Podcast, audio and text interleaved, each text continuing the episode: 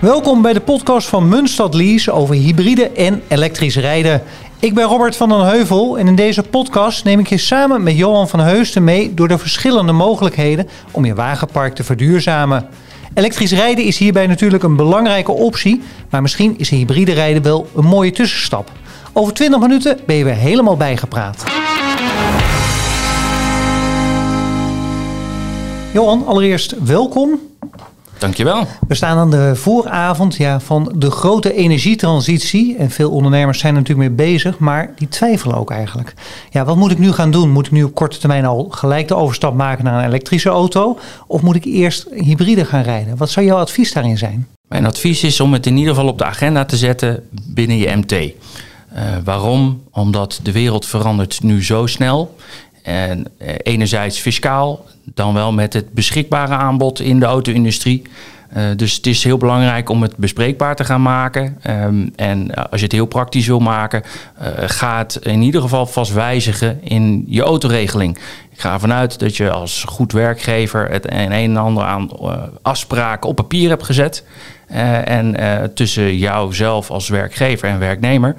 Ja, en daar moet je nu met oog op de toekomst wel gewoon op, uh, op gaan voorsorteren. Ja, dat is in ieder geval wat je ook kan doen. Maar ja, nou zit ik daar met mijn MT en er liggen prachtige brochures, mooie glimmende boliden staan er allemaal.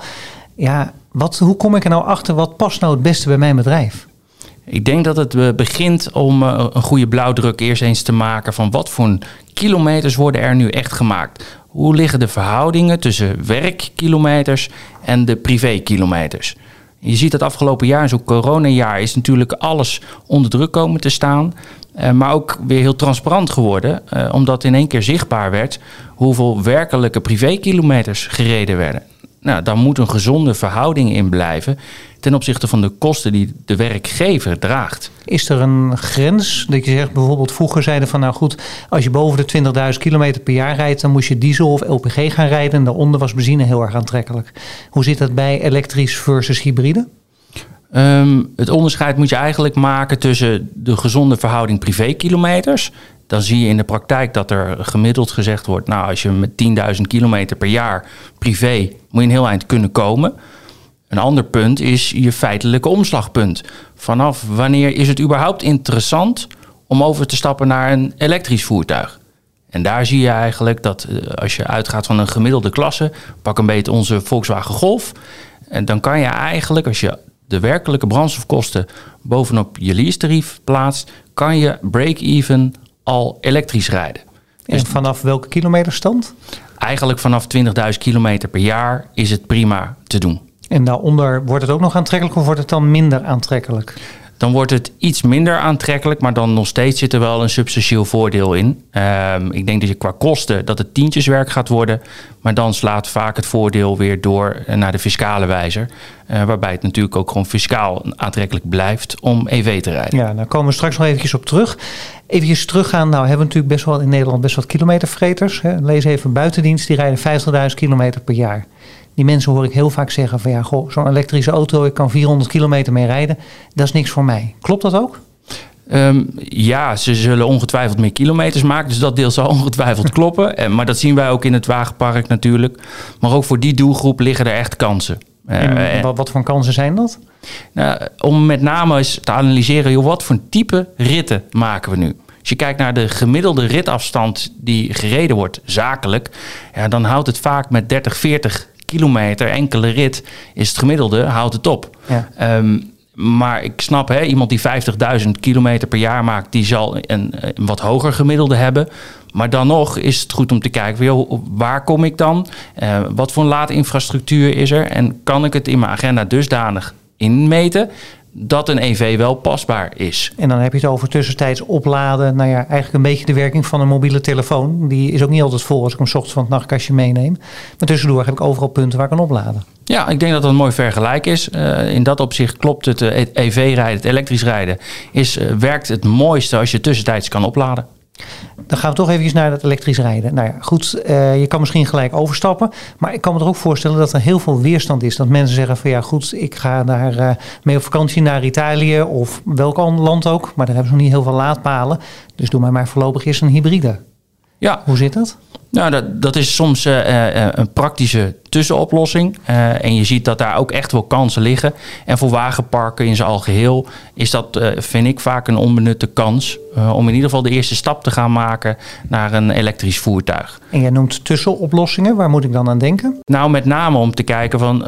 zouden we met een plug-in hybride onze gemiddelde CO2 als bedrijf naar beneden kunnen krijgen op dat rijdende park? Nou, dan is daar gewoon een hele makkelijke eerste stap gemaakt. Uh, versus 2 is, nou ja, hoe gaan we dat dan doen uh, in de komende jaren? Moeten we ons dan weer gaan committeren aan drie, vier of misschien wel vijf jaar? Of kunnen we daar op een flexibele manier mee omgaan met onze leasemaatschappij? Ja, nou dan hebben we het al gelijk over Munstad Lease. Hoe los je dat op voor klanten? Er zijn een paar uh, varianten te bedenken. Um, Eén daarvan is, we kennen een flexlease constructie, waarbij je 24 maanden uh, rijdt en dan door kan wisselen naar een andere auto, zonder daar excessief veel voor te hoeven betalen. Dat is een, is een maatwerkconstructie uh, en die bieden we met name aan op onze vrachtmerken. Uh, dat is een optie. Een andere optie is om eens te kijken naar misschien een jong gebruikte auto. Want daar, ook daar hebben we een mooi aanbod in. Om eens te kijken naar het voordeel van een jong gebruikte auto is doorgaans. Dat de kop ervan af is. Nou, dat financiële voordeel zou je ook in een flexibel jasje kunnen gieten. Waardoor je gewoon wat sneller kan doorwisselen. En misschien over twee jaar wel echt de volledige stap naar EV te kunnen maken. Krijg je niet een beetje scheve gezichten? Ik eh, ben buitendienstmedewerker. Ik rij al jaren nieuwe auto's. En dan komt mijn werkgever in één keer aan met een, eh, nou, een occasion. Maar toch maar even zo de titel erop te plakken. Ja, daar wordt hij niet blij van. Nee, dat is zo. Um, dus je moet dat wel in heel goed overleg doen met directie en een wagenparkbeheerder. Um, doorgaans is het wel zo dat de auto's die wij zeker afleveren, daar zie je aan de buitenkant niet af, hooguit aan de kentekenplaat voor de kenner, dat het een, een gebruikte auto is. En wat je wel ziet is dat je natuurlijk op moet passen dat er scheefgroei ontstaat. Is dat de auto's uh, ja, bovengemiddeld luxe worden ingezet. Maar goed, dat komt vaak wel weer uh, heel snel uh, tot, tot zijn recht in een lease-tarief. Wat dan al dan niet binnen de, de norm gaat passen. Als je het over, ja, noem het circulaire economie hebt en alles waar we mee bezig zijn. Dan vind ik het wel een hele mooie oplossing. Je pakt toch een jong gebruikte auto. En daarna ga ik over naar een 100% elektrische auto. Dus ik kan daar langzaam een beetje in groeien op deze manier. Ja, dat klopt. Dat is een hele mooie tussenoplossing. En je ziet dat niet alleen op het niveau van personenauto's, maar je ziet dat ook al ontstaan op het gebied van bedrijfswagens. Uh, uh, Volkswagen heeft uh, ook daar al een, een soort tussenoplossing voor. Dat als je nu gewoon een gangbaar bedrijfsmodel of bedrijfswagen in gaat zetten, hè, de, de, de, klassieke bus, hoe we maar zeggen, ja. um, dan ook dan kan je zeg maar na twee of drie jaar, als, als de nieuwe EV's er zijn, kan je overstappen kosteloos. Dus een prachtige tussenoplossing om in ieder geval de komende tijd iedereen mobiel te houden, maar wel voor te gaan sorteren op EV rijden. Gaan we eventjes naar het, nou dat noemen we zo mooi in die termen total cost of ownership. Het wordt natuurlijk volgend jaar gaat de bijtelling weer omhoog. Ja, dat betekent dat voor de leaserijder wat minder aantrekkelijk wordt. Maar goed, vanuit de werkgever die kijkt natuurlijk niet alleen naar de bijtelling voor zijn medewerker. Dat is leuk voor hem. Maar er zijn natuurlijk veel meer kosten. Is, wat is dan aantrekkelijker? Hybride gaan rijden of toch al overstap maken naar elektrisch rijden? Ja, dan is eigenlijk een EV is nog steeds heel aantrekkelijk om, om te stappen, om over te stappen. Uh, omdat je met uh, enerzijds een hybride voertuig beide kosten gaat krijgen. En dan is het, het optimale bereik op uh, en dus ook je maximale voordeel op, op je brandstofkosten, die zijn beperkt. en ja, het maximale voordeel ga je dan wel halen op een, op een volledig elektrisch voertuig. Ja, dus die, uh, ja, die voordelen zijn er aanwezig, maar waar moet ik dan aan gaan denken? Moet ik dan zeggen van, goh, onderhoud is goedkoper? Of welke kosten uh, drukken namelijk dat een elektrische auto goedkoper wordt? Ja, dat is interessant, uh, want dat zien wij heel veel in bedrijfsovereenkomsten tussen werkgever en werknemer, de zogenaamde autoregeling, dat er nog heel veel gesproken wordt over een normleasebedrag. maar dat zijn altijd normleasebedragen exclusief brandstof. Ja. Nou, en ons advies is ook heel sterk: van, joh, ga daar nu in ieder geval een kolom bij plaatsen met werkelijk verbruik. Zodat je die total cost of ownership, het totale rijden, totale kosten per kilometer inzichtelijk gaat maken. Want dan zie je in één keer dat onderaan de streep, met name door dat component brandstof, waar we enerzijds natuurlijk aan de pomp alleen maar meer gaan betalen. Ik zag laatst een uh, tarief van 2,17 euro per liter al staan. Ja, nou, wie had dat gedacht dat we dat gingen meemaken? En nu stijgt natuurlijk ook uh, elektrisch laden qua kosten wel iets. Maar dat is in verhouding uh, lang niet zo heftig als met een brandstofauto. Dus je ziet dat daar, als je het hebt over de besparing, daar zit primair de grote besparing. Om een beeld te krijgen, als ik hem, nou, laten we zeggen, aan een openbare laadpaal zet bij mij in de wijk. Wat kost dan een volle batterij? Wij rekenen vaak eigenlijk terug naar uh, aantal kilowattuur uh, mm-hmm. en uh, de kosten daarvan. En zie je, het goedkoopste laden is eigenlijk thuis ja. en op de zaak. En daar betaal je gemiddeld genomen tussen de 20 en de 25 cent per kilowattuur. Um, daar heb je vaak geen starttarief en dan is het gewoon één op één. Op straat dan ga je al snel naar 30, 35 cent per kilowattuur. Um, als we aan de pomp zouden staan en nog ouderwets uh, moesten tanken. En, en, je zou in plaats van die 2 euro die je net noemde, 3 euro betalen. Ja, dan zegt een wagenparkbeheerder, hey, voel even aan je hoofd. Dat, dat vinden we geen goed idee. Um, en dan hebben we het nog niet eens gehad over snel laden. Want uh, dan heb je het al snel over 70 tot 80 cent per kilowattuur. Um, dus ja, met, met alle starttarieven die daar ook nog bij komen, et cetera, merk je gewoon dat in de praktijk wil je optimaal gebruik kunnen maken van een EV. Ja, dan moet je gewoon infrastructuur op de zaak en bij voorkeur ook thuis hebben.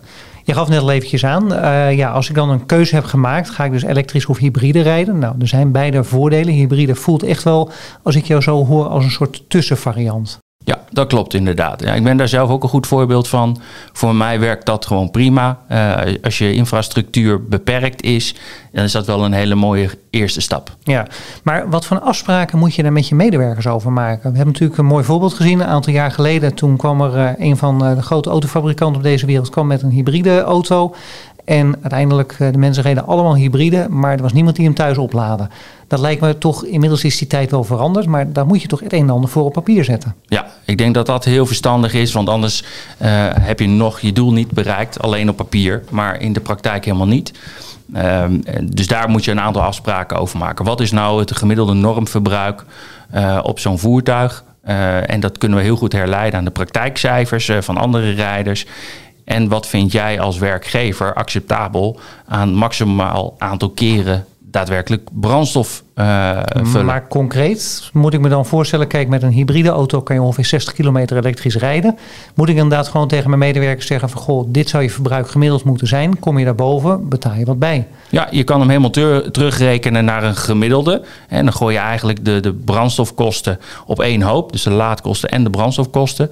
Uh, je kan het ook beperken tot een x aantal keer tanken uh, in de maand. dus maar net even hoe, hoe praktisch dat kan worden ja. ingevuld. Maar je moet daar iets over afspreken. Maar hoe stimuleer je dat nou op een positieve manier? Dit voelt natuurlijk wel een beetje van, goh, Big Brother is watching you. En nou, we hebben het allemaal netjes uitgerekend. En ja, toevallig, uh, nou, vandaag uh, heeft het een beetje gevroren buiten. Dus uh, het was allemaal wat lastiger. Ochtends, hij verbruikt wat meer. Ik heb per ongeluk bij het stoplicht wat extra gas gegeven. Dus ik had ook wat meer verbruik. En ja, nou heb ik gelijk, daarna heb ik alweer een discussie met de HR-afdeling. Dat lijkt me toch niet echt de bedoeling. Nee, eh, terecht dat je dat zegt. Um, maar je kan daar wel op een leuke manier mee omgaan als werkgever. Ja, heb je daar een paar voorbeelden van? Nou, ik zie in de praktijk uh, met regelmaat dat, uh, dat er een soort interne competitie wordt opgebouwd. en dat is wat makkelijker als je allemaal vergelijkbare auto's hebt. Hè, eerlijk is eerlijk. Um, maar waarom zou je daar niet een start mee gaan maken? Door te zeggen, ik ga de bereider die het nuttigste laat, het meest efficiënt daarmee omgaat, ga ik belonen. Uh, en ik ga een incentive afspreken. Uh, je kan zover doorgroeien dat, dat je doorvoeren dat je zelf zou zeggen van nou, degene die het het slechtste doen, die moeten misschien iets bij betalen. Ligt natuurlijk allemaal mega gevoelig. Ehm, maar ik denk met name om het, het, te stimuleren. Mensen willen altijd iets hebben. Dus als je daar een leuke, gezonde incentive op, op plakt, dan liggen daar kansen. Als je dan ja, over het laden hebben we natuurlijk al heel ander verteld. Nou, je noemde al eventjes, we hebben drie fases daarin. De eerste fase basis thuisladen, openbaar laden bij, eh, langs, zeg maar, in een woonwijk. En we hebben natuurlijk dan elektrisch laden langs de snelweg, waarbij de laatste meest dure oplossing is. Ja, wat, wat, wat als je dan kijkt naar deze, deze mogelijkheden. Ja, waar, waar, loopt een werkgever tegenaan? Dat hij zegt van goh, daar zie ik echt wel problemen in als mensen dat dus heel veel gaan gebruiken. Nou, is dat met name dat die kosten voor het elektrisch laden en met name het snel laden, dat die zo gaan drukken op de vaste lasten, dat het, het hele voordeel weg is. Um, dus ook daar moet je afspraken over maken. Ik denk dat in de praktijk dat uh, 95% van, van de ritten moeten afgedekt kunnen worden met gewoon het laden thuis op het werk of in het uiterste geval een openbare laadpaal. En dat je hooguit voor de uitzonderingen toelaat dat er een snel laden wordt, wordt toegestaan. Je gaf net al eventjes aan, er zijn natuurlijk allerlei verschillende afspraken die je dan dus met mensen maakt. Nou goed, we gaan dus steeds zuiniger rijden. Op zich is dat wel een omdraai in het denken. Hè? Dat we dus in plaats van, goh, ik was het snelste weg, nee, ik rij nu het zuinigst. Maar dat je dus ook afspraken gaat maken over hoe ga je dus thuis laden. In sommige gevallen betekent dus dat ik een laadpaal uh, moet gaan aanleggen of ik moet daar een voorziening voor gaan treffen. Voorziet Munstad Lease daar ook in? Ja, we hebben een aantal hele goede partners die ons daarin faciliteren. Die doen een, een digitale schouwing uh, voor het, het, merendeel van de gevallen. Aan de hand van een aantal foto's of in sommige gevallen ja, even een Skype-verbinding. Zodat er een inventarisatie gedaan kan worden voor de, de laadinfrastructuur bij iemand thuis. Um, en die kan desgewenst ook opgenomen worden in het lease uh, als een werkgever dat uiteraard accepteert. Uh, het grote voordeel daarvan, als je dat goed faciliteert aan je werknemers, ja, dan heb je dus ook gelijk vanaf dag één profijt van lage brandstofkosten, of in dit geval lage laadkosten. Ja. En want die, die maximeren we in de markt toch een beetje op een kwartje per, per kilowattuur. Dus ziet je gewoon hartstikke goed. En daarmee vertrek je iedere dag dus met een volle batterij. En daardoor worden ook de kosten om tussendoor te laden steeds minder. Exact, exact. Dan is die cirkel rond. Dan komen we aan bij het bedrijf. Nou ja, goed, uh, niet iedereen is de hele dag onderweg. Dus uh, op, uh, overdag ben ik ook inderdaad op het werk. En dan kan ik dus ook aan de oplader gaan leggen. Daar kunnen jullie ook in voorzien om daar laadoplossingen natuurlijk voor te vinden. Maar hoe haal je daar nou het maximale rendement uit? Ik kan me voorstellen, ja, ik moet wel 20 palen gaan neerzetten. Maar dat kost natuurlijk een klein vermogen. Ja, nee, dat is wel echt een ding. Um, sowieso wat ik net al aangeef, is het interessant om te kijken hoeveel kunnen die kosten meegeleased worden in het reguliere lease-tarief. Zowel voor de werknemer thuis als op het werk dan? Ja, en dan zou je hem kunnen combineren. Um, maar ik kan me voorstellen als werkgever zijnde dat je daar ook het een en ander separaat voor wil faciliteren. En daar kunnen onze partners uh, heel goed bij, uh, bij adviseren om te kijken van, nou, waar liggen de mogelijkheden. Wat voor subsidies zijn er, uh, het zij lokaal dan wel zeg maar nationaal nationaal uh, mogelijk. Um, maar dat je daar iets in moet doen, uh, dat, is, uh, dat is onlosmakelijk verbonden met EV-rijden. Maar ja, dan blijft nog de vraag. Ik heb hier zoveel medewerkers. Die komen natuurlijk op hetzelfde moment nog op kantoor. En die willen allemaal gaan laden. Dat gaat niet, want ik heb net nou ja, met jou afgesproken om de twee of drie laadpalen neer te gaan zetten. Zijn daar oplossingen voor? Ja, wat ik een hele slimme oplossing vind, die is, die is echt uh, ja, bijna te simplistisch om te bedenken. Maar je hebt zoiets als een, uh, de parkeerkaart voor laders, uh, voor EV-rijders, waarbij je aangeeft, ik, net als een parkeerkaart, ik denk nodig te hebben drie uurtjes laden en dan ben ik weer terug. En dan moet je natuurlijk wel de discipline hebben om hem, om hem uit de stekker te ja. halen en hem vrij te geven voor iemand anders. Maar daarmee voorkom je dat, uh, dat, uh, dat mensen uh, en, ja, heel erg lang aan een laadpaal blijven hangen tot ergernis van andere collega's. Ja, je wil voorkomen dat iemand die ochtends naar binnen gaat, legt hem aan de laadpaal en smiddags om vijf uur weer naar huis gaat en daarmee iedere dag die paal bezet houdt. Exact. Ja, dan hebben we in ieder geval een keus gemaakt. We nou ja, je hebt verschil gesteld van goh, gaan we hybride of gaan we dus elektrisch rijden? Nou ja, goed, als ik er dan inderdaad uh, zo naar kijk, dan ja, neigt toch wel meer van goh, elektrisch rijden. Er zijn heel veel oplossingen voor. Maar het betekent ook best wel voor mij wat als bedrijf. Als ik even puur kijk naar onze eigen footprint. Met hybride doe ik al een eerste stap. Maar elektrisch is eigenlijk best wel de volgende stap uh, daarin. Wat betekent dat? Nou, behoorlijk wat. Um, en, en de vraag is natuurlijk met name: hè, is het een, een, motivatie vanuit het bedrijf zelf? Willen ze die, die footprint gewoon puur vanuit een MVO, een maatschappelijke verantwoording, willen ze die pakken uh, uh, en willen ze die door gaan voeren? Uh, maar soms is die ook gewoon financieel gedreven, omdat vanuit het businessmodel dat bedrijven gewoon niet meer mee kunnen doen aan een tender. Uh, omdat hun gemiddelde wagenpark uh, niet is voorzien van een EV of, of, of een te hoge CO2-doelstelling. dus het heeft wel degelijk impact op, op, op de hele, ja, het hele businessmodel eigenlijk van een, van een werkgever. Ja, en de individuele gevallen die moeten uitwijzen wat voor een impact dat daadwerkelijk heeft. Uh, en, en, wat voor financiële consequenties uh, dat heeft. Maar uiteindelijk, ja, de balans neigt toch naar echt elektrisch te gaan rijden. Ja, feitelijk wat we net ook constateerden hè, in, in, in de eerste zin, is dat als je een, nu een golf rijdt, dat je eigenlijk voor hetzelfde geld al een EV kan rijden. ja, dan zou ik niet weten waarom je dat op de andere modellen na zou moeten laten. Heb je een paar tips voor werkgevers? Van goh, denk daar eens aan of zo ga ik mijn medewerkers daarin meekrijgen? Uh, nou, één, om te stimuleren dat iemand EV gaat kiezen. Uh, dus leg naast elke leaseofferte die je al hebt ook even een vergelijkbaar elektrisch voertuig. Om het verschil, inclusief hè, nogmaals die werkelijke kosten aan, aan brandstof of laden, even inzichtelijk te krijgen. Dus daar begint het al heel sterk mee. Um, en wat we daarnet ook even riepen, is, is die, die autoregeling. Die eh, dateert vaak van enkele jaren geleden. Nou, de, markt is zo veranderd. Dus de tip van de dag is: laat die door ons even goed scannen. Doordat je daar het maximale rendement in haalt. Dan doe je niemand iets tekort. Nee, dat zijn een paar hele handige tips. Uiteindelijk, ja, je moet toch wel die medewerker aan boord zien te krijgen. Maar goed, met laadoplossingen denk ik wel dat je daar uh, mensen mee kan overtuigen. Ja, absoluut. En uh, ondertussen natuurlijk ook zo dat zeker met uh, het huidige personeelsbeleid, iedereen heeft toch moeite met goede mensen aan zich te binden. Is denk ik iemand nu faciliteren met een elektrisch voertuig, waar mogelijk, um, heb je toch een stukje voorsprong op, misschien wel con-collega's. Dus het wordt ook nog eens gewoon strategisch ingezet. Vind ik wel een hele mooie om mee af te sluiten inderdaad. Het is nog een extra reden om mensen misschien aan je te binden van goh, dan blijft nog uh, ja, mijn laatste vraag over. Uh, op vakantie ga ik dus nog steeds graag naar Italië. Ja, met die elektrische auto is dat misschien wel een probleem. Heb je daar oplossingen voor? Ja, we hebben een vakantieautoregeling.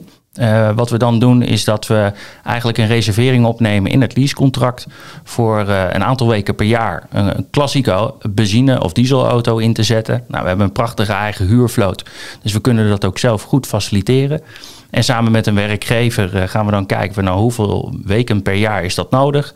En dan zetten wij als uh, Munstad gewoon een, een klassieke benzine- of dieselauto neer voor je. wat, wat dan ook gewoon binnen de kostenstructuur valt die is afgesproken. Nou, volgens mij zijn er geen bezwaren meer om of hybride of volledig elektrisch te gaan rijden. Johan, dankjewel voor de uitleg. Graag gedaan. In deze podcast hebben we meer gehoord over oplossingen die er allemaal zijn om zowel hybride als elektrisch rijden goed in je bedrijf in te voeren. Munstad Lease kan je hier persoonlijk over informeren en samen tot een plan van aanpak komen. Wil je nu meer weten? Ga dan naar munstad.nl/zakelijk.